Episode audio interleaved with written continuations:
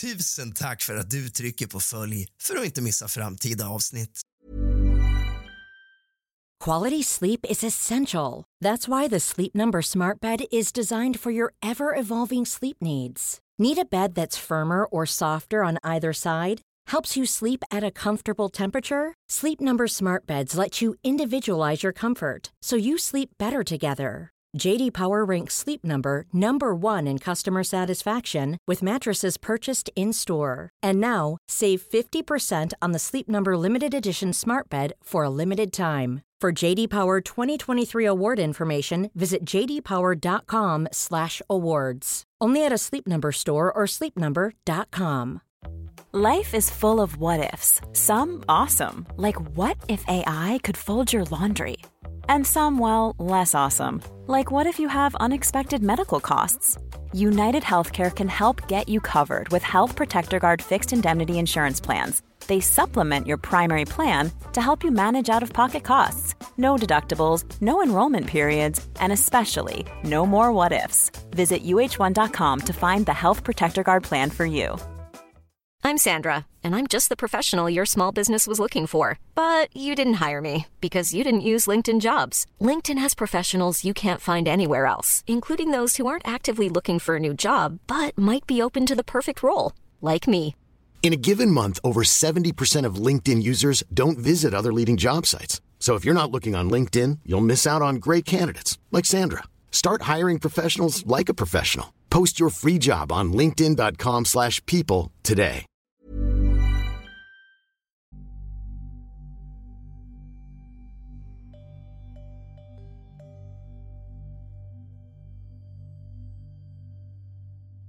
God afton alla monsterdiggare.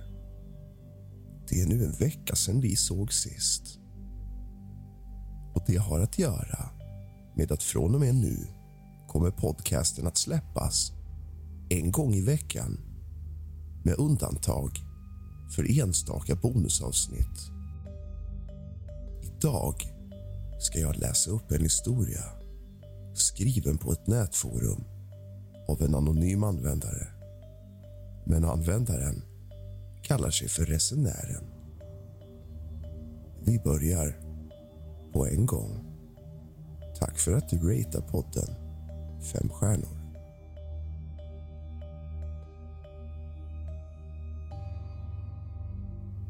Jag skriver förmodligen min egen dödsdom genom att skriva den här berättelsen. Jag vet med säkerhet att jag bryter mot minst ett dussin federala lagar med påföljder som skulle kunna skicka mig i fängelse för resten av mitt liv. Men fängelsetid är det minsta av mina bekymmer.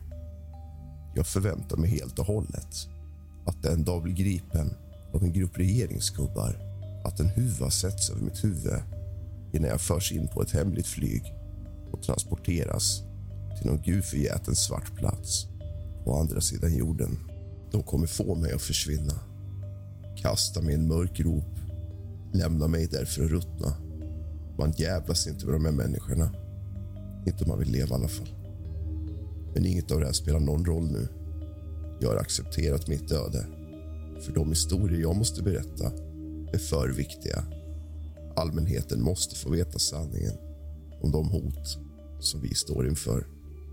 Det är inte lätt att förklara, men jag ska göra mitt bästa. Under de senaste två åren har jag arbetat med ett topphemligt regeringsprojekt som finansieras av Försvarsdepartementet och några av de rikaste individerna och största multinationella företagarna på den här planeten. Vad är vårt syfte? Ah, har du talat om multiverse-teorin? Det vill säga idén om alternativa universum som existerar parallellt med vårt eget.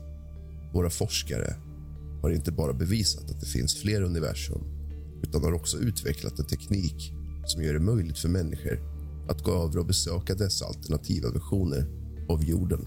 Jag tänker inte avslöja några detaljer om tekniken vi använder för att gå över eller om vetenskapen alls. Jag undviker det området av två skäl.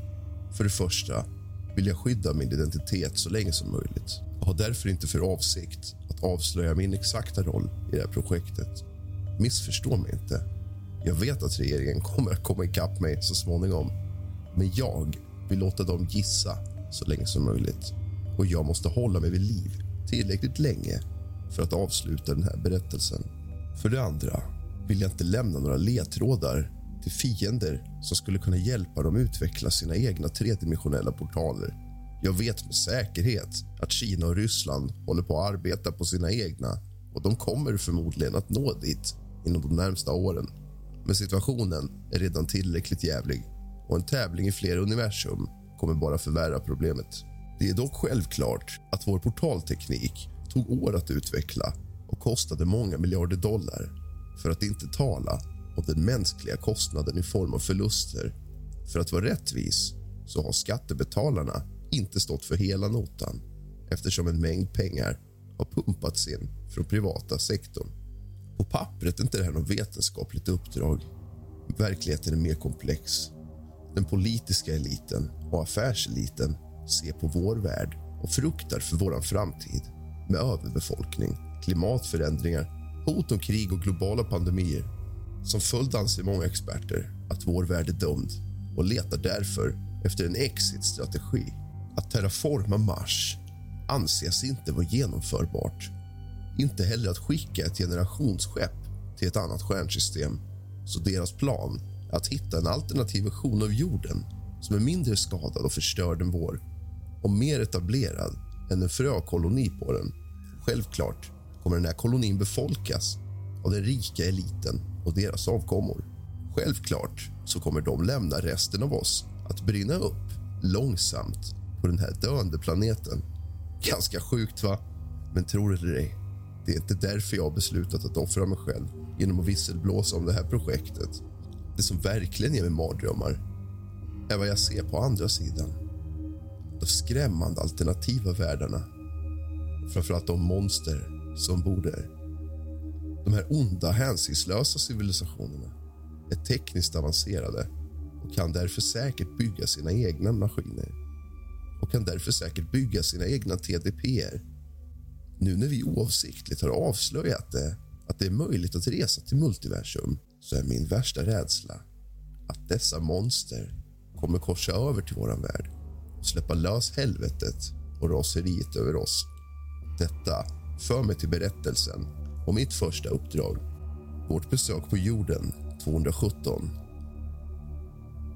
En helvetesvärld, en dystopi som jag hade tur att överleva. Innan jag kommer till det här är det viktigt att förklara lite mer om processen och om du vet, om tredimensionella resor för att ni ska förstå. Återigen kommer jag inte avslöja några tekniska detaljer men jag kan förklara lite löst om några saker. Du kan kanske föreställa dig en tredimensionell portal som något liknar säg en virvel eller som ett svart hål. Det är såna portaler de ofta framställer på tv och film. Verkligheten dock lite annorlunda. Det bästa sätt jag kan beskriva portalen på är ett flytande membran, ett fönster till en annan verklighet. Det är en kontrollerad passage som gör att man kan se vad som finns på andra sidan. En bild är lika tydlig som att titta på en tunn glasruta. När man passerar membranet är det som att sänka sig i vatten. Och Det är skitläskigt, för under några sekunder kan man inte andas och allt blir mörkt. Under ett ögonblick får hjärnan panik för man tror att man inte kommer klara sig. Det är svinläskigt. Men sen passerar man igenom till andra sidan. Man tar ett djupt andetag, ren luft och man har aldrig känt sig så lättad över att vara vid liv. Det är onödigt att säga att det krävs en astronomisk mängd energi för att öppna en portal och för att hålla fältet stabilt tillräckligt länge för att ett team ska kunna gå över säkert till andra sidan. De pengar och den kraft som år går till det här innebär att det bara är möjligt att hålla en portal öppen i två minuter och passagen är bara tillräckligt bred för att två män ska kunna gå över axel mot axel. Därför kan vi bara skicka mindre partier med utrustning åt gången. Vi kan inte ta in fordon, så vi får pressa in fyrhjulingar och motorcyklar. Vi använder små drönare. Den första överfarten är noggrant välorganiserad. Den återresan är hektisk och kaotisk. Undersökningsgrupperna kan inte öppna TDP från sin sida. Det måste göras från forskningsanläggningen här på jorden. Tidslinjen är noggrant samordnad. Portalen öppnas igen exakt 24 timmar efter den första avfarten. De medlemmar och teamet som då inte hinner tillbaka till mötesplatsen i tid kommer sitta fast på andra sidan på obestämd tid och måste hantera de hot som de möter utan hjälp. Återresan borde inte vara något problem om laget har en fri lejd på andra sidan. Men om de råkar ut för problem, då är det en annan historia. Det är värt att påpeka att majoriteten av de världar som vi har upptäckt och besökt inte är så annorlunda vår egen. Det finns några historiska avvikelser, men i grund och botten har man samhällen som inte är så olika jorden. Dessa världar är dock avskrivna och ohållbara. De har samma problem som vi. Överbefolkning, föroreningar, hoten från en händelse på utdöende nivå och så vidare. I grund och botten så är det inte vad våra rika välgörare letar efter eftersom de inte är lämpliga för kolonisering. Trots detta är resorna över till dessa världar i allmänhet enkla men riskfria. Det är minoriteten av uppdrag som har varit problematiska. Nu är det ju självklart så att vi skickar inte över varken män eller kvinnor liksom, förrän vi har kollat upp förhållandena på andra sidan. Som ett första steg skickar vi in en robot som liknar en eh, Mars Rover som är formad för att testa jordprover och syrehalter, kontrollera atmosfär och gifter och bakgrundsstrålning. Två gånger har det hänt att de här sonderna inte har återvänt. En gång dök roboten upp i stratosfären och svävade planlöst genom rymden innan kommunikationssändningen bröts. Vår teori är att i det här universumet hade själva jorden förstörts och brunnit upp i spillror. På ett annat uppdrag upptäckte roboten en död planet utan tecken på liv och bevis på att den ens någonsin existerat. Temperaturen var så hög att roboten brann upp på en minut. Uppdraget avbröts. Saker och ting blir intressanta när vi upptäcker en värld som är mycket annorlunda än vår egen.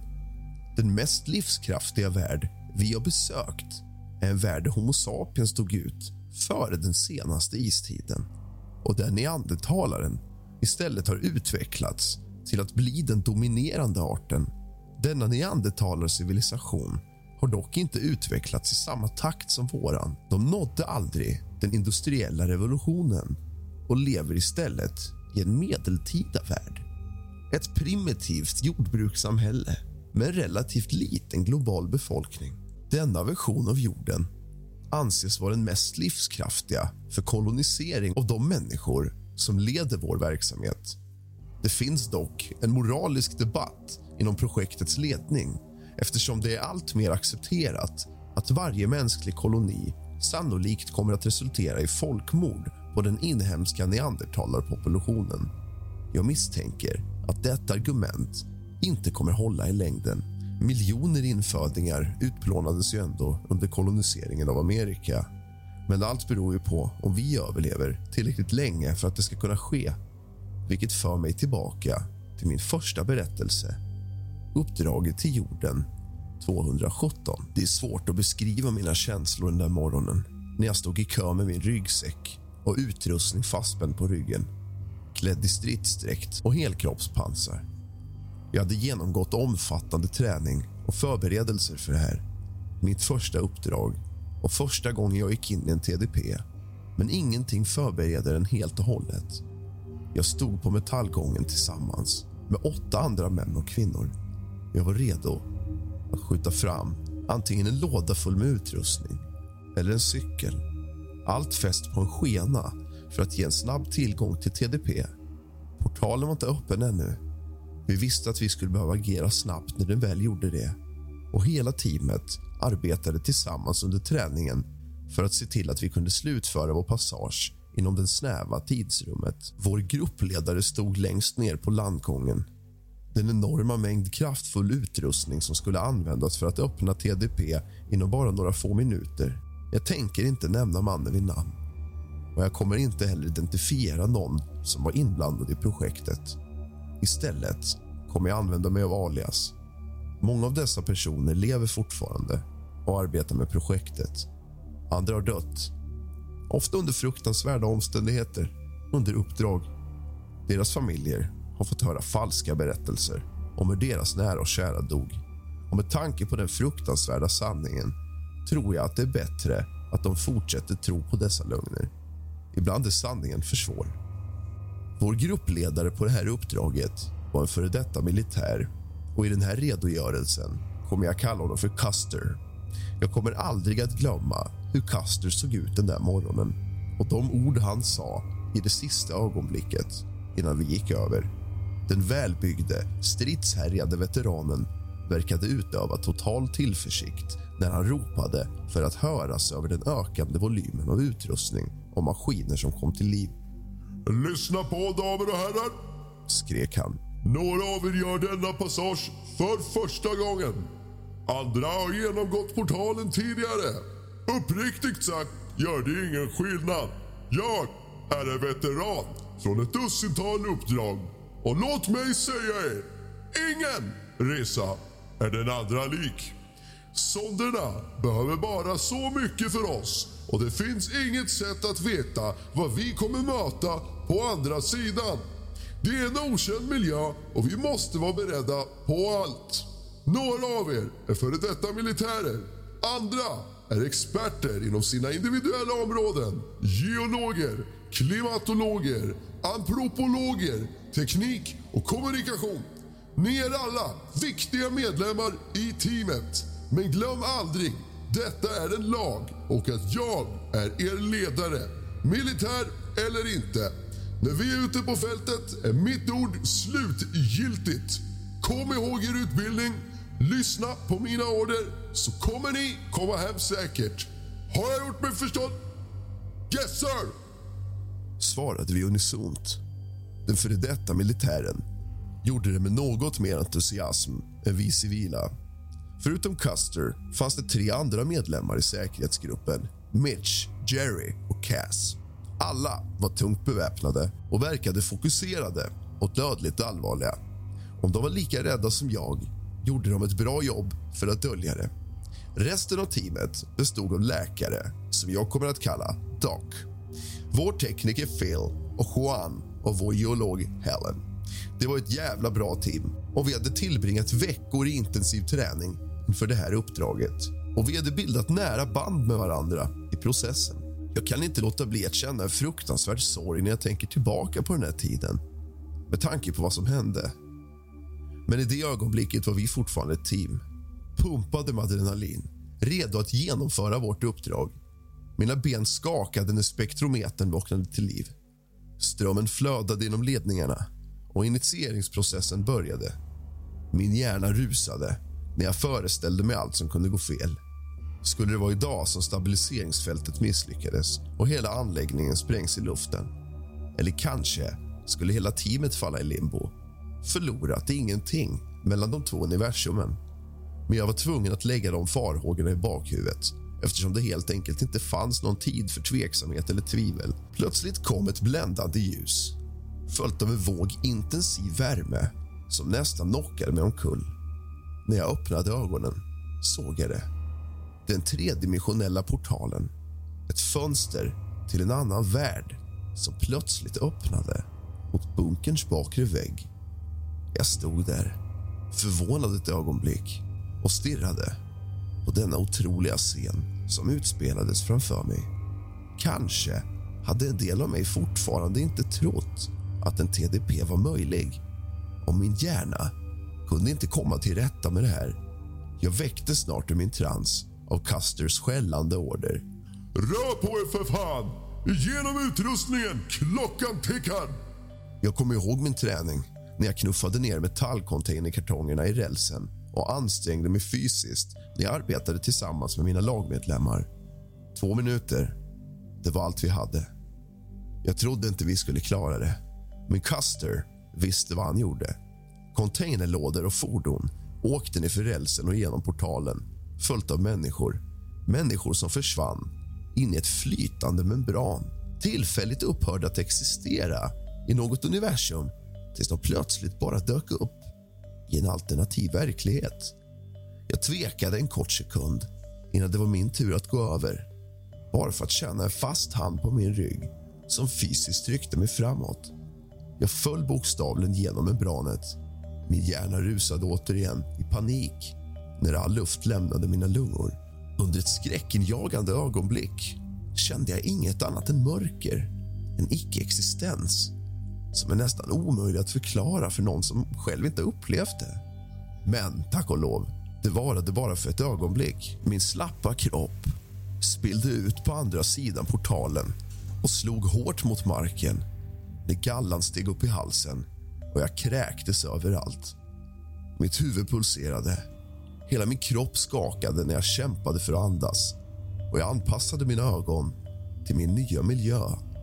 En stund senare drog någon upp mig på fötterna och jag var förvånad att jag kunde stå utan stöd. Jag kände en blick tillbaka precis i tid för att se portalen försvinna i tomma intet. Nu var det för sent att vända tillbaka. Vi var här borta, i den här alternativa världen och helt beroende av att våra kollegor på jorden skulle ta oss hem. Om något gick fel skulle vi vara fångade här för alltid. Ett skrämmande perspektiv. Men jag kunde inte tänka så i det ögonblicket. Jag behövde fokusera på uppdraget. Välkommen till jord 217, mina damer och herrar! sa Custer. Människorna runt omkring mig började redan agera.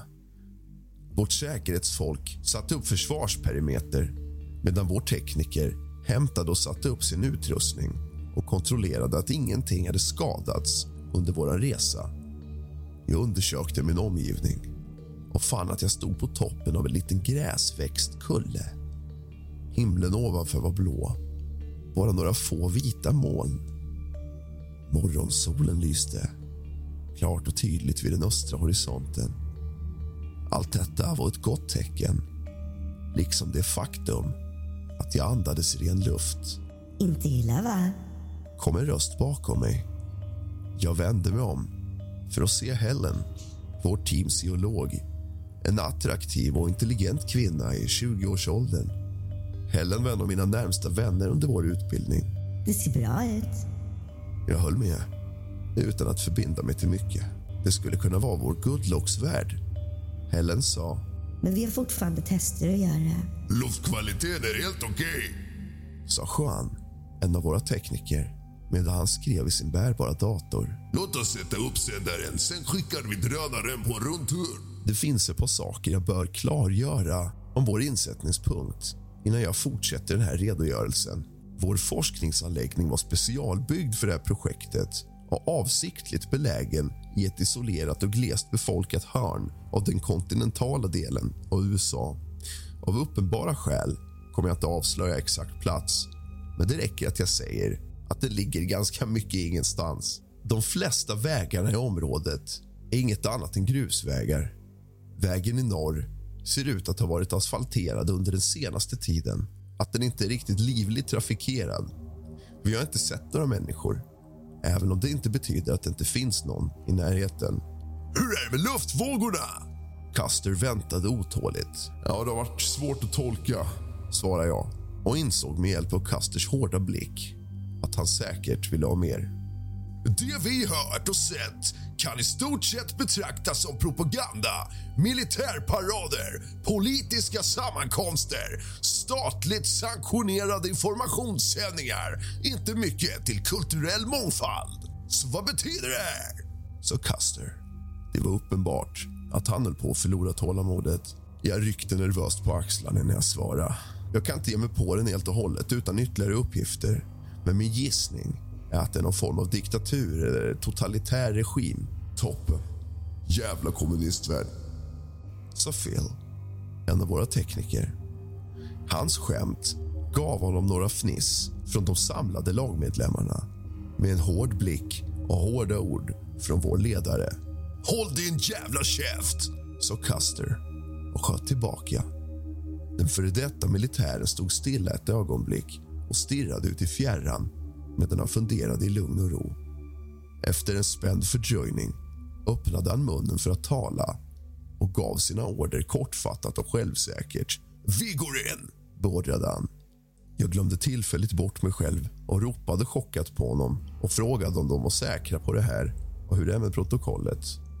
Custer svarade ilsket. Fan ta protokollet! Jag är ledare här borta. Det jag säger gäller. Vi måste samla in mer data. Var det inte det du sa? Jag nickade motvilligt med mitt huvud. Nåväl, det är avgjort. Vi tar med oss ett fyrmannateam ner till Gamla stan för att se om det verkligen är så övergiven som det ser ut. Jag leder laget. Han pekade direkt på mig. Du åker med mig. Cass och doktorn kommer vara vår backup. Vi ger oss av om tio minuter. Ta samman folk. Jag upplevde skräck i det ögonblicket. Intensiv skräck. Jag ville inte åka på det här uppdraget. Men jag visste att jag inte hade något val. Men naturligtvis hade jag ingen aning om vad som väntade. Det var nästan skymning när vi nådde till den synes övergivna stan. Vi körde till platsen på två fyrhjulingar, dubbelt upp. Jag körde med Custer medan Cass och Doc hade den andra motorcykeln. Cass var en tuff före detta marinsoldat i mitten av 30-årsåldern. En stark kvinna som hade tillbringat sitt liv med att behöva bevisa sig själv i en mansdominerad miljö. Doktorn var vårt lags medicinska assistent. Han var en udda, men märkliga besatt. Han var en udda man med märkliga besattheter. Så vitt jag minns hade han aldrig riktigt knutit an till resten av teamet under vår träning. Vi betraktade honom alla med en viss misstänksamhet. Jag fick en tydlig känsla av att Cass inte var glad över att åka tillsammans med doktorn men hon ifrågasatte inte sina order. Än idag vet jag inte varför Custer beordrade spaningsuppdraget. Särskilt med tanke på riskerna och de okända omständigheterna. Jag kan bara anta att han agerade på order från högre ort. Själva staden skulle kunna beskrivas som Anywhere USA. Liten, avsedes och oansenlig. När vi kom ner från kullarna och körde genom huvudgatan bekräftade vi det som drönarbilderna redan hade berättat för oss. Det var en spökstad med sönderfallna byggnader, sönderslagna butiksfasader, bleka skyltar, rostiga gamla bilar som såg ut som återblickar till 50-talet. Uppenbarligen hade bosättningen övergivits för flera decennier sedan. Men varför? Det fanns inga gifter i luften, ingen bakgrundsstrålning. Det var som om hela befolkningen bara hade lämnat platsen en dag utan någon uppenbar anledning. Vid första anblick fanns det inga tecken på liv. Ändå kände jag mig otroligt orolig när vi körde ner för den skräpiga huvudgatan. Håren reste sig i nacken och jag fick en tydlig känsla av att vi var iakttagna. Plötsligt såg jag en rörelse ur ögonvrån och vände mig om för att se en mörk gestalt som försvann bakom det sönderslagna vraket av en lastbil. Såg du där? viskade jag i panik. Håll dig lugn, sa Custer i auktoritär ton. Han tryckte ner foten på gaspedalen men bara några meter längre fram på vägen stötte vi mot en osynlig vägg. Då var alla våra däck genomborrade samtidigt vilket fick vår fyrhjuling att plötsligt stanna. Fan, de har spikat vägen, sa Custer. På ett ögonblick hoppade han av motorcykeln och drog fram sitt stormgevär från axeln. Och en stund senare drog han mig från mitt baksäte ner på marken medan vi tog skydd bakom den nu orörliga fyrhjulingen. Custer ropade tillbaka till den andra motorcykeln som ännu inte hade träffats av spikfällan. Stanna! Bakhåll, ner på marken! Cass reagerade på ett ögonblick och stannade sitt fordon innan hon steg ner med geväret i beredskap. Dock höll huvudet upp, skannade nyfiket horisonten till Cass drog honom tillbaka. Jag kikade över toppen av våra fordon och såg hur gatan plötsligt vaknade till liv när beväpnade figurer dök upp på hustak och krossade fönster och riktade sina vapen mot oss. Jag vet inte hur vår drönare hade missat denna beväpnade grupp under sin färd men uppenbarligen hade de hållit sig gömda för att kunna sätta upp ett bakhåll. I panik skannade jag gatan räknade till minst ett dussin män och kvinnor som omgav oss på alla sidor. De var beväpnade. Vi var bara fyra personer och endast Custer och Cass var beväpnade.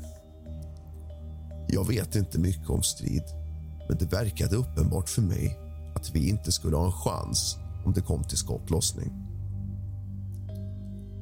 En spänningsfylld stand-off följde innan en röst från andra sidan bröt tystnaden. Vi har fått er övermannade och omringade. Vi har inte en chans. Lägg ner era vapen och kom ut med händerna i luften. Jag kunde inte se mannen som talade, men det lät som han menade allvar. Även om det lät jävligt märkligt. Att döma av hans svar höll Custer uppenbarligen med. Fan! svor han under armen innan han ropade ut sitt svar. Okej, vi lägger ner våra vapen. Skjut oss inte. Vi vill er inget illa. Det får vi se. svarade den misstänksamma rösten från andra sidan. Custer la försiktigt ner sitt stormgevär på marken innan han långsamt reste sig upp med händerna höjda över huvudet. Jag kopierade hans handlingar, liksom Cass och doktorn. Hela min kropp skakade när jag kämpade för att stå upp. Jag kunde inte fatta att vi hade snubblat in i denna dödliga situation och fruktade vad dessa människor skulle göra med oss. Låt mig bara sköta snacket. viskade Custer i mitt öra. Jag kände mig arg eftersom jag visste att vår gruppledare hade fått oss in i den här röran. Jag hade ingen aning om vad Custer skulle säga till våra kidnappare. Skulle han möjligen kunna förklara vår närvaro här? Hur? Så småningom kom bakhållet fram ur sina gömställen och närmade sig oss försiktigt med sina vapen fortfarande höjda. Jag tittade på våra fångvaktare i det bleknande ljuset och blev förvånad över deras utseende. Bland de tolv fanns män, kvinnor, till och med barn. De var i alla olika åldrar, alla olika typer av människor. Alla verkade förvirrade och undernärda. Deras ögon var trötta och hungriga, deras ansikten fyllda av desperation. Alla var magra till den grad att de var urmärglade och bara sönderslitna och smutsiga kläder. Jag är ingen expert på skjutvapen, men deras vapen såg gamla och föråldrade ut. Typ som en kombination av gevär från andra världskrigets tid med civila hagelgevär. På det hela taget såg de ut som den typ av trasiga och beväpnade överlevande ni vet, som man kan förvänta sig hitta i en dystopisk ödemark som man kan se på film. En av våra fångvaktare steg fram och slängde en grease gun över axeln när han kom. Han var en stor mörk man med ett märkbart ärr över ansiktet och en hårdnande blick i ögonen. Han verkade vara en man som har varit till helvetet och tillbaka. Och på grund av hur han bar sig åt gissade jag att han var ledare för detta lumpna band. Klokt beslut. sa han med ett lätt flin på sina torra läppar. Jag kände igen hans röst och insåg att det var han som hade krävt vår kapitulation ögonblicket tidigare. Custer öppnade munnen för att svara, men han fick aldrig chansen. I det ögonblicket drogs allas uppmärksamhet till hustaken med utsikt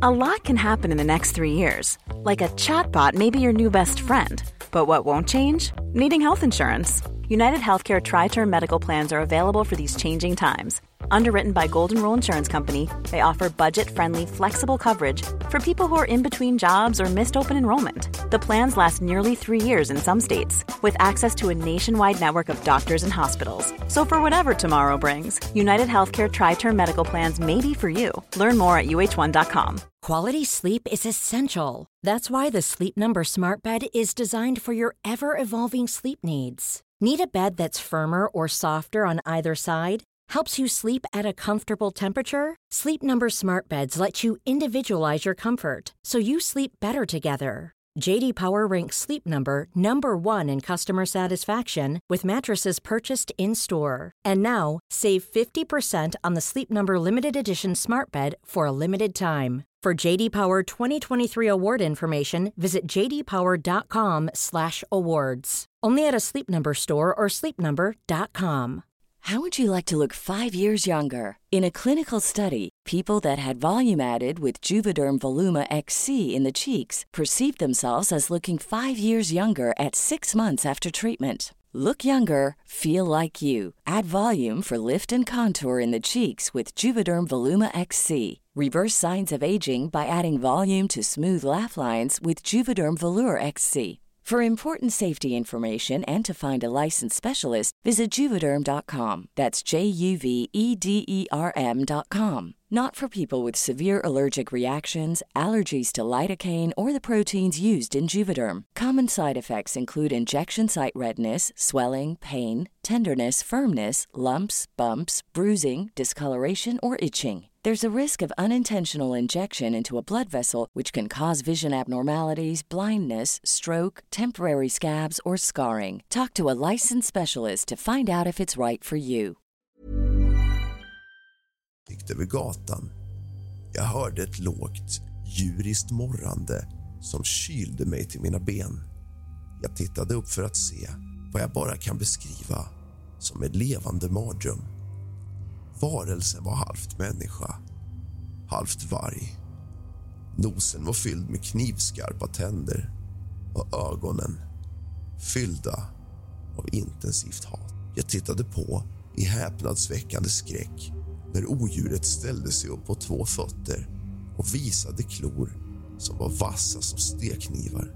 Sedan öppnade det sin hemska käft och släppte ut ett gudbenådat tjut som överröste alla andra ljud. De beväpnade männen verkade frusna av rädsla en sekund. Till deras ledare uppmanade de att agera genom att skrika döda dem. Plötsligt fylldes luften av kulor. Ljudet av skottlossning var öronbedövande. Odjuret borde ha träffats, men det rörde sig så snabbt. Han hoppade från taken och kastade sig över närmsta person skar halsen av honom på bara en sekund och spillde hans blod över hela gatan. Någon skrek innan skottlossningen började igen. Men odjuret tycktes vara immun mot kulor när det slets ner för gatan träffades av den ena soldaten efter den andra. Han slet dem i bitar med sina tänder och klor innan de hann reagera. Jag hörde de blodiga skriken och såg det blodiga våldet när kropparna slets i stycken och inälvor slafsades ut över hela asfalten. Det lät som när man rör med en slev genom en kastrull med fuktig pasta. Custer skakade mig ur chockens trans, tog tag i mig och skrek åt mig att följa efter honom. Han tog upp sin pistol och gjorde redo att avfyra. Ingen från andra sidan försökte stoppa honom. De var för upptagna med att dö. Vid det här laget slet odjuret huvudet av sitt sjätte offer. Custer gick fram och sköt helautomatiskt medan han rörde sig. Minst en av hans kulor träffade målet och fick monstret att yla av smärta. Men kulan saktade inte ens ner det. Plötsligt vände odjuret sin uppmärksamhet mot Custer som desperat försökte ladda ett nytt magasin i sin pistol. Odjuret hoppade på honom. Innan han ens hade en chans skar han Custer i bröstet med sina klor. Custer skrek när han föll bakåt. Odjuret bet djupt i hans axel slet ut hans hjärta och åt upp det framför hans ögon innan han krossade hans huvud mot marken och gick skrattandes därifrån för att ge sig på sitt nästa offer. Då började skottlossningen igen. En salva träffade monstret och tvingade det tillbaka. Någon soldat hade fått tag på Custers pistol. Jag tittade upp och såg Cass gå fram och skjuta korta salvor från sin pistol. Odjuret träffades om och om igen, men den lilla jäveln ville inte dö. Cass missade inte ett ögonblick. Hon fortsatte pumpa in kulor i det jävla aset till magasinet var tomt. Sen släppte hon sitt gevär och drog sitt sidovapen, en 9 mm Glock. Hon fortsatte skjuta utan nåd och ignorerade varelsens gnälliga skrik i sin beslutsamhet att avsluta den här jävla idiotens liv. Till slut stod hon över den slappa kroppen och sköt de sista fem kulorna rakt in i asets huvud. Denna nådastöt verkade göra susen för till slut slutade odjuret att röra sig. Dess livskraft var släckt. Långsamt kom de överlevande fram ur sina gömställen för att undersöka det blodbad som lämnats efter den vilda attacken. En blixtattack och strid som hade varit mindre än två minuter. Cass och jag sprang till Custers sida för att kontrollera om han trots allt kunde ha överlevt. Jag såg med fasa genom det djupa hålet i hans bröst och axel. Rakt igenom hans kropp. Han hade förlorat massor med blod. Han stönade fortfarande i plågor och var inne på sina sista andetag. Han kämpade för varje andetag. Cass tryckte på hans axelsår för att stoppa blödningen samtidigt som hon ropade. Doc, var i helvete är du? Vi behöver din hjälp. Men hur kan man hjälpa någon som inte längre har ett hjärta? Jag sökte på den blodiga gatan efter vår läkare. Jag fann honom lutad över vargmannens kropp petade på dess revben som om han utförde en obduktion. Fascinerande. Exoskelettet på det här djuret liknar ingenting som förekommer i naturen. Det är nästan som om någon har satt sig här för att konstruera den perfekta dödsmaskinen. Jag behövde lägga en fast hand på doktorns axel för att få honom tillbaka till verkligheten. Förbannat dock, sa jag. Custer är död. Vi måste ta hand om honom. Doktorn verkade ganska irriterad och förvånad, men han följde med. Naturligtvis. Låt oss göra det för honom. Han lutade sig ner bredvid Custer, skakade på huvudet och tuggade medan han öppnade sin medicinväska. Han illa däran, sa doktorn som om han konstaterade det uppenbara. Doktorn säger att han kan förbinda hans sår och han kan ge honom saker mot smärta. Men det spelar inte någon roll. Ingenting kan göras för att rädda hans liv. Cass nickade dystert. Eftersom att Custer var oförmögen att arbeta hade hon tagit på sig rollen som gruppledare och ingen ifrågasatte henne. Hon sa okej. Okay. Däcken är slut.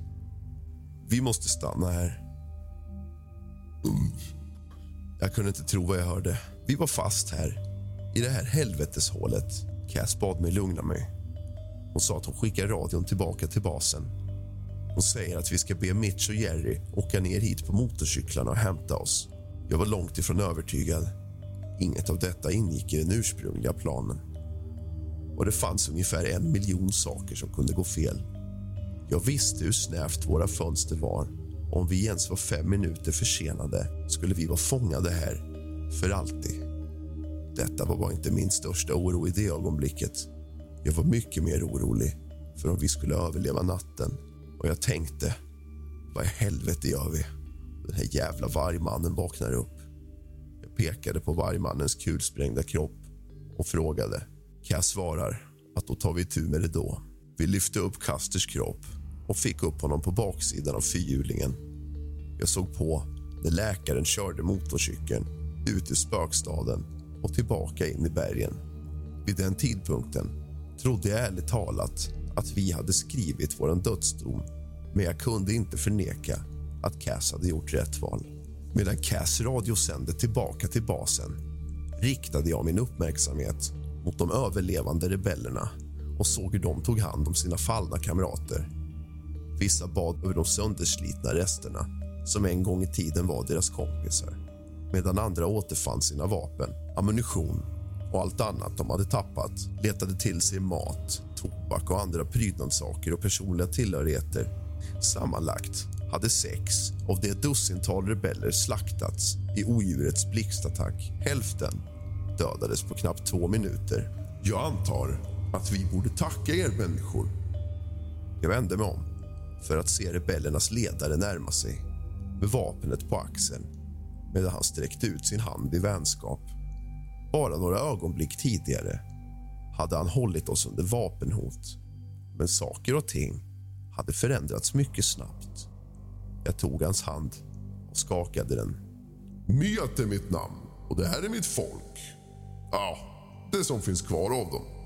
Jag presenterade mig och uttryckte min sorg över hans förluster. Sen nickade jag mot det döda djuret som låg vid vägkanten. Vad i helvete är det där för något? Frågade jag. Myat verkade förbryllad av själva frågan. Vad tror du att det är? Svarade han. Det ser ut som en jävla varulv, skämtade jag. På lite skämt. Visst. Myet bekräftade med en axelryckning. Men det här är en skurk. En jakthund som kom undan från arierna. Nu strövar de omkring på landsbygden och dödar allt som rör sig. Alarmklockorna började ringa i mitt huvud. Vänta lite. Arier. Du menar som nazisterna? Miat verkade ännu mer förbryllad. Nazister, ja. Det började så. Under det sista kriget. Det är nog mycket värre nu. Men hur kan du inte veta detta? Jag kände ett drag av panik och insåg att jag hade avslöjat för mycket. Äh, vi är inte härifrån, svarade jag ödmjukt. Wyatt svarade att det är uppenbart. Han sa att vi inte är arier, och det är också uppenbart men menade att vapen, utrustning och fordon är bättre än vad de har. Han undrade om vi kom från ett annat distrikt. Men arierna styr hela världen. För helvete, de har till och med baser på månen och kolonier på Mars. Jag såg att Cass hade avslutat sitt samtal och nu lyssnade på vårat. Hon riktade en förberoende blick mot mig som en varning för att jag inte skulle säga för mycket. Men jag såg inget sätt att förklara detta för Wyatt. Jag såg inte heller någon fördel med att hålla hemligheter för honom. Jag tog ett djupt andetag när jag svarade. Vi kommer från en annan värld. Eller rättare sagt, en annan version av den här världen. Våra vetenskapsmän har arbetat ett sätt att korsa vår dimension till nästa. Därför är vi här. Jag förväntade mig att Wyatt skulle skratta mig i ansiktet, men det gjorde han inte. Visst verkade rebellbossen chockad över mitt erkännande men han avfärdade inte min förklaring utan vidare. Jag antar att när man lever i en värld som styrs av nazister och översvämmad av varulvar så krävs det mycket för att man ska känna sig förvirrad. Wyatt såg eftertänksam ut. Efter en stund svarade han och frågade om USA fortfarande finns i vår värld där vi kommer ifrån. Jag bekräftade och sa ja. Vi amerikaner. Dessa ord verkade ge Wyatt en viss tröst. Att veta att hans land fortfarande existerade i någon alternativ version av jorden. Cass avbröt vid det laget och undrade vilka de var. Den amerikanska motståndsrörelsen, eller? Wyatt skakade på huvudet och jag såg sorgen i hans ögon innan han började sin sorgliga förklaring. Han sa... Det vi en gång i tiden, för många decennier sedan gjorde. Amerikaner höll sig utanför kriget i Europa under 40-talet och när nazisterna så småningom erövrade oss allierade de sig med människor som såg ut som dem och brutaliserade resten. Samma sak hände över hela världen. Nationer erövrades och befolkningar trampades ner under deras jävla jackboots. De förslavade en del och slaktade resten. Först genom exekutionspatruller, sen genom gasmasker och massvält och slutligen genom att släppa ut virus som var avsett att döda icke-arier. Miljontals utplånades. Hela kontinenter tömdes. Nu lever nazisternas ättlingar i befästa plantager och citadeller. De har använt sin ondskefulla vetenskap för att skapa sin förbannade master race och värre. Han pekade på den döda varulven. Monster som detta. Det är resultatet av deras förvridna experiment. Intelligenta, superstarka rovdjur tränade att lyda sina herrar. Han höjde rösten. Ilskan och smärtan var tydliga i hans ord när han frågade. Och vi? Vi är inte längre motståndsrörelsen. Vi är förbannade rovdjur. De jagar oss för att ha kul. Slaktar oss som boskap. Han suckade och sänkte huvudet. Tårar rann i hans ögon. Hans överlevande kamrater samlades runt honom. Hans berättelse var fruktansvärd. Men jag tvivlar inte för en sekund på att han talade sanning. Den här världen var en plats för levande mardrömmar. En värld av nazistiska supersoldater, genetiskt modifierade varulvar och människojakt. Jag kunde aldrig föreställa mig att jag skulle besöka en sån fruktansvärd plats. Men här var vi, mitt i den här skiten. Jag försökte fortfarande komma till rätta med vad Wyatt hade berättat för oss när Cass förde samtalet tillbaka till sakfrågorna. Cass frågar Wyatt vad hans folk kommer göra nu. Han svarar att det är för farligt att resa till fots efter mörkrets inbrott och att de måste hålla oss kvar till gryningen kommer. Han pekar neråt på gatan. Det finns en gammal kyrka där nere. Inte mycket, men den har fortfarande fyra väggar och ett tak. Vi tar skydd där i natt. Jag föreslår att ni följer med oss. Det är den säkraste platsen att vänta på medan vi väntar på ert räddningsteam. Okej då. Jag kände en kall kyla när vi gick ner på asfalten. På något sätt visste jag att vi skulle få en helvetesnatt. Den gamla kyrkan var ett förutsägbart vrak men som Wyatt hade lovat hade den fortfarande fyra väggar och ett tak vilket gjorde platsen mer beboelig än de flesta i spökstaden. Wyatt och hans team började arbeta så snart vi hade tagit plats och använde gamla kyrkobänkar och diverse skräp för att barrikera dörrar och fönster.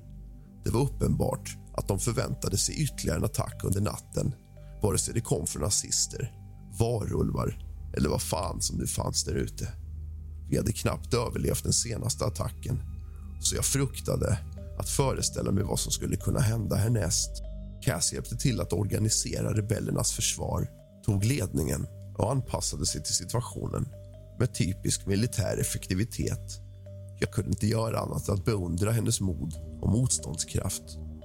Cass visste allt för väl att jag inte var någon krigare så hon gav mig sin Glock och beordrade mig att hålla mig i bakgrunden. Hon gav Custers pistol till Wyatt och gav honom en snabb lektion i hur man använder den. Rebellledaren såg lika nöjd ut som han var. Efter att de defensiva förberedelserna var gjorda fanns det inte mycket annat än att göra än att vänta. Jag pratade med Wyatt om hans folk i ett försök att få reda på mer om deras världs samhälle och tragiska historia. Men de var förståeligt nog distraherade och kanske oförmögna att svara på mina frågor. Det var en skrämmande tid när vi satt i den förstörda kyrkan och stirrade ut i mörkret och väntade på vilka mardrömmar som än skulle dyka upp för att sluka oss. Jag undrade faktiskt varför jag någonsin ens hade engagerat mig i den här verksamheten. Vilket vansinne hade drivit mig till detta helveteskap. Kanske Cass delade min ånger, men om så var fallet visade hon inga tecken utan förblev kylig och fokuserad hela tiden. Jag kan inte beskriva den lättnad jag kände när jag hörde motorcykelmotorernas gnissel följt av ett utbrott av kommunikation från Cass radio. Jag tittade ivrigt ut genom fönstret och såg de två säkerhetsmännen komma in på sina motorcyklar. Våra räddare var äntligen här. Min upprymdhet försvann när jag tittade på Wyatt och hans folks trötta och desperata ansikten och insåg att vi skulle lämna dem här, bakom oss. Men som det var tänkt, när Mitch och Jerry stannade framför kyrkan körde ett tredje fordon in från motsatt håll och deras tunga dieselmotor överröstes av ljudet från motorcyklarna. Jag såg med förskräckelse på när ett groteskt jeepliknande fordon körde nerför gatan och dess kraftiga strålkastare lyste upp hela kvarteret. Den stora bilen var tungt bepansrad och full av vapen och något mycket värre. Tre människokranier monterade på motorhuven i en fasansfull uppvisning. Wyatt svor när han kom upp bakom mig. Han sa att det var Steiner och hans jaktlag. De har hittat oss. Jag tittade in i mannens hårda ögon och såg rädsla för första gången. Skräckslagen vände jag mig tillbaka till fönstret och såg tre figurer som kom ut ur jeepen och rörde sig snabbt. Muskulösa, atletiska män i mörka skyddsvästar med främmande men dödligt seende automatgevär och från fordonets bakre del hoppade inte en, utan två av de där helveteshundarna ondskefulla varulvar som var lika grymma som de var vilda som vi tidigare hade mött. Förutom att de här två var tydligt tränade och stod under de ariska jägarnas kontroll och lydde deras minsta order. Mitch och Jerry var ute i det fria uppenbarligen omedvetna om den enorma fara som de befann sig i. Åtminstone till Cass ropade ett varningens ord. Spring. Skottlossningen började en sekund senare när de nazistiska jägarna öppnade sina gevär. Mitch och Jerry sprang iväg samtidigt som de la ner täckeld.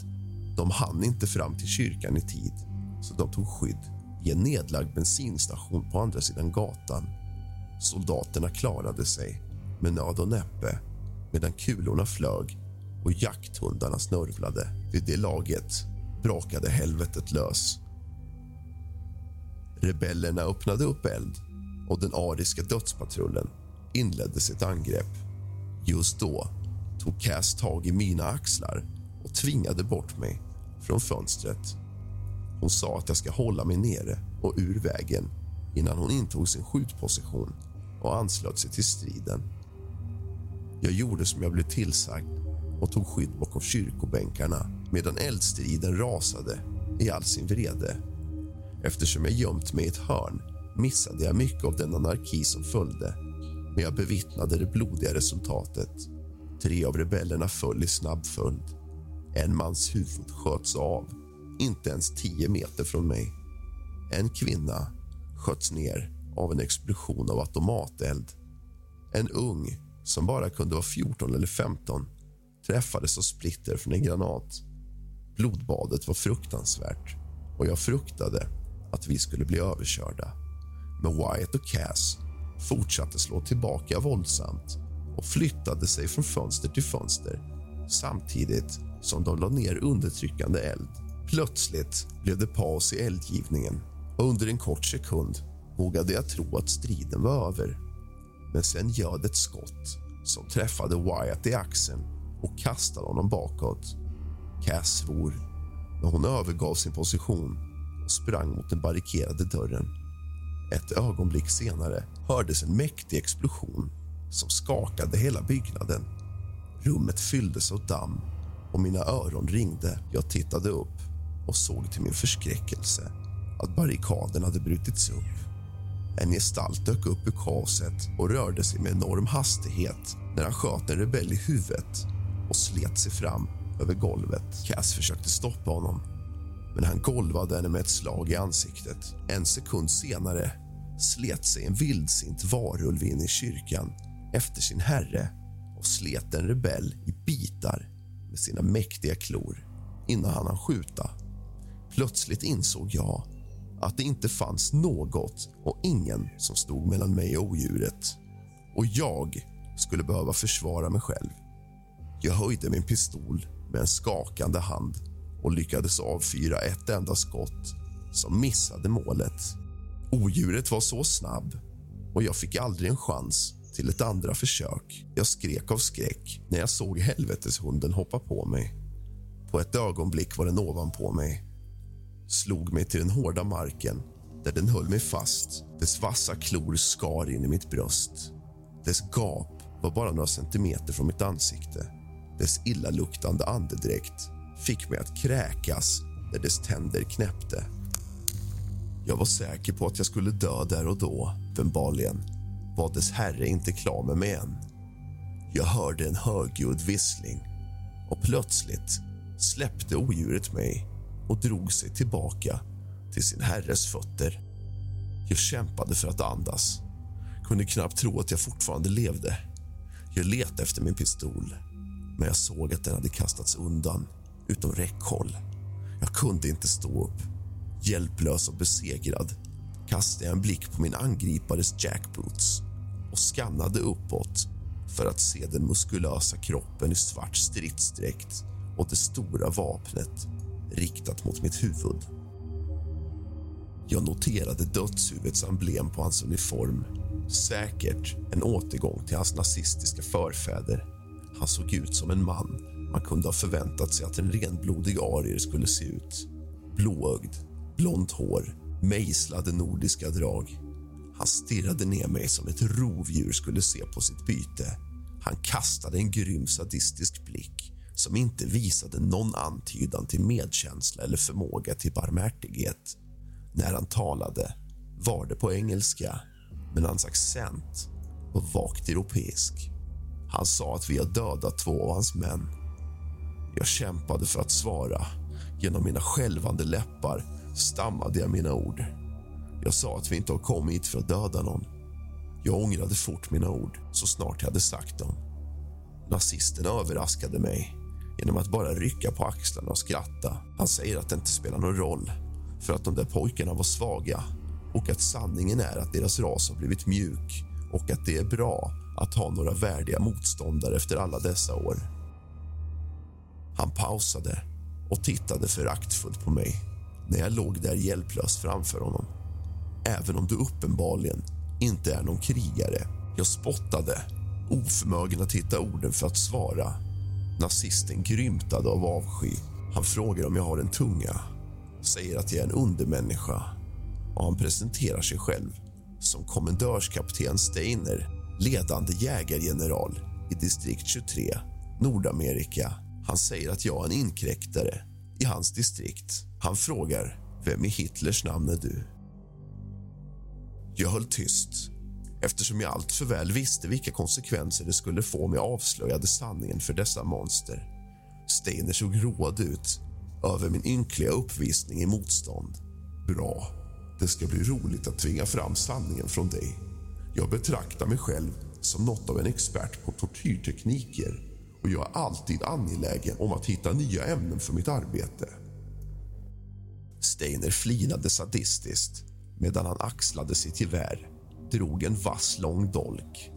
Jag ruskade av skräck vid åsynen av bladet. Jag ville springa, men visste att jag inte skulle komma långt. Steiners varulv tog aldrig ögonen från mig. Dess huggtänder droppade av blod och ögonen var fyllda av hat. Steiner avancerade mot mig, ögonen fokuserade och kniven redo. I mitt panikartade tillstånd såg jag en rörelse i ögonvrån.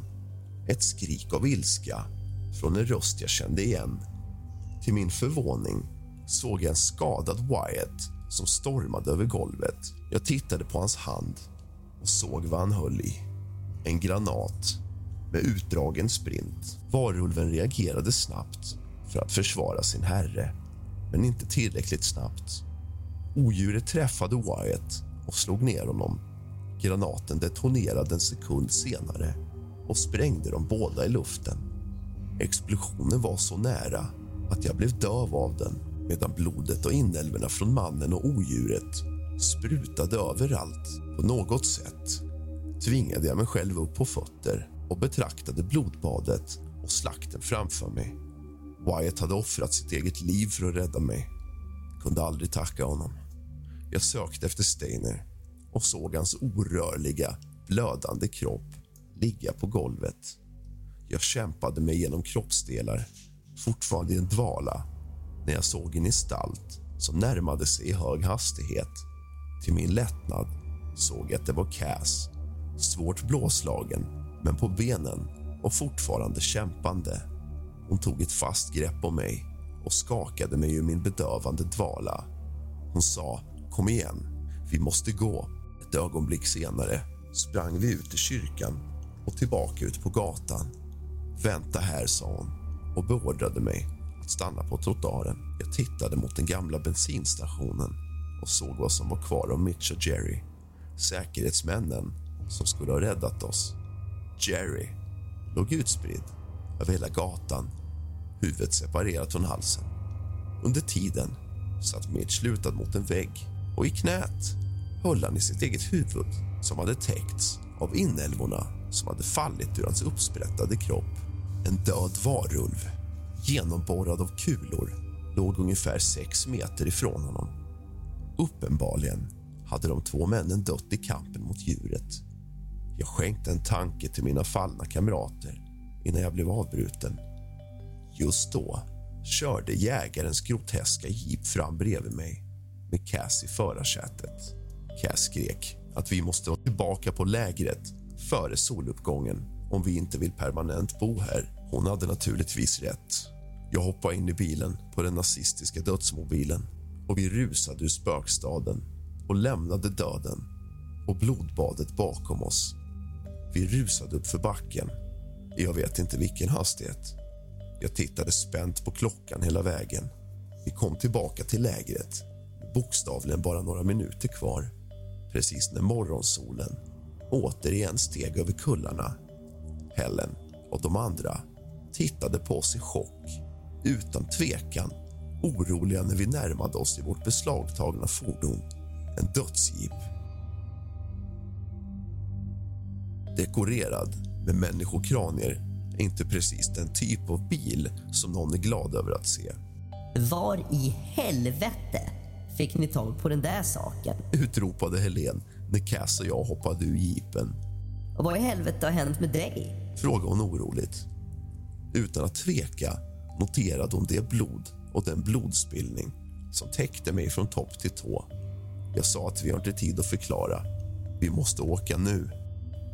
Var är de andra? Frågar hon. Döda, svarade Cass. De undrar hur det är med Custer. Cass svarar att han tyvärr också är död. Då kom en explosion av ljus och energi på kullen bara några meter från där vi stod. De höll på att öppna portalen på nytt från andra sidan som skapade en passage för vår återkomst. Jag skannade baslägret, såg hur teamet redan hade packat ihop vår utrustning redo att skeppas. Enligt protokollet fick vi inte lämna kvar någon utrustning när vi åkte men det här uppdraget hade redan gått åt helvete. Ändå såg jag med glädje på när portalen öppnades. Jag trodde att vi var säkra, men en gång hade jag fel. Jag hörde det först, det olycksbådande drönet från rotorbladen. Sen skrek Juan, en av våra tekniker, och pekade. Vad i helvete är det där? Jag tittade åt det hållet och såg till min förskräckelse en attackhelikopter som närmade sig i stor hastighet. Det liknade en Apache. Det var en annan konstruktion, tungt bepansrad och full med vapen med ett hakkors tydligt synligt på nosen. Det fanns ingen tid att reagera innan mördarplanet öppnade eld och pumpade kulor från kulsprutan in i vårt läger. Phil, vår andra tekniker, fångades ute i det fria slets i bitar av höghastighetskulor. Hans kropp utförde en makaber dödsdans innan han föll till marken. Vi började alla springa och slog ett hastigt resrätt när kulorna fortsatte flyga. En efter en såg jag mina kamrater stiga ner genom portalen. Doc, Juan och Helen. Cass väntade på mig, vinkade, skrek frenetiskt när jag sprang mot öppningen. Jag vet inte varför, men jag stannade upp en sista stund vände mig om och tittade mot helikoptern. Jag såg mannen i cockpit och blev chockad eftersom jag kände igen honom. Steiner. Hans huvud var bandagerat, men det var definitivt han. Jag skulle känt igen hans kalla rovdjursblick var som helst. Till min förvåning sköt han inget. Istället tittade han bara på. Han observerade vår hastiga reträtt. Jag frös i en sekund, men Cass räddade mig än en gång, tacklade mig och knuffade mig Hi, I'm Daniel, founder of Pretty Litter. Did you know cats tend to hide symptoms of sickness and pain? I learned this the hard way after losing my cat, Gingy. So I created Pretty Litter, a health monitoring litter that helps detect early signs of illness by changing colors, saving you money and potentially your cat's life. Pretty Litter is veterinarian developed, and it's the easiest way to keep tabs on your fur baby's health right at home. Go to prettylitter.com and use code ACAST for 20% off your first order and a free cat toy. Terms and conditions apply. See site for details. Hey, it's Paige DeSorbo from Giggly Squad. High quality fashion without the price tag? Say hello to Quince. I'm snagging high end essentials like cozy cashmere sweaters, sleek leather jackets, fine jewelry, and so much more. With Quince being 50 to 80% less than similar brands. And they partner with factories that prioritize safe, ethical, and responsible manufacturing. I love that. Luxury quality within reach. Go to quince.com slash style to get free shipping and 365 day returns on your next order. Quince.com slash style. Fysiskt genom portalen. Vi lämnade den här avskyvärda världen på ett ögonblick och sjönk ner i mörker i limbo innan vi kom ut på andra sidan. Våra kroppar föll ihop på metallgången tillbaka till anläggningen. Tanken på att de där monstren skulle ta sig över till våran värld håller mig vaken på nätterna. Ändå trodde jag att Earth 217 var det värsta jag någonsin skulle råka ut för. Men än en gång hade jag fel. Det finns parallella världar där ute som är lika illa och kanske till och med värre. Jag vet det, för jag har varit i den. Om inte FBI spårar mig innan dess ska jag berätta om alla dessa helveteslandskap. För det här är skit som folk behöver veta. Till nästa gång, mina vänner. Du har lyssnat på kusligt, rysligt och mysigt med mig, Rask.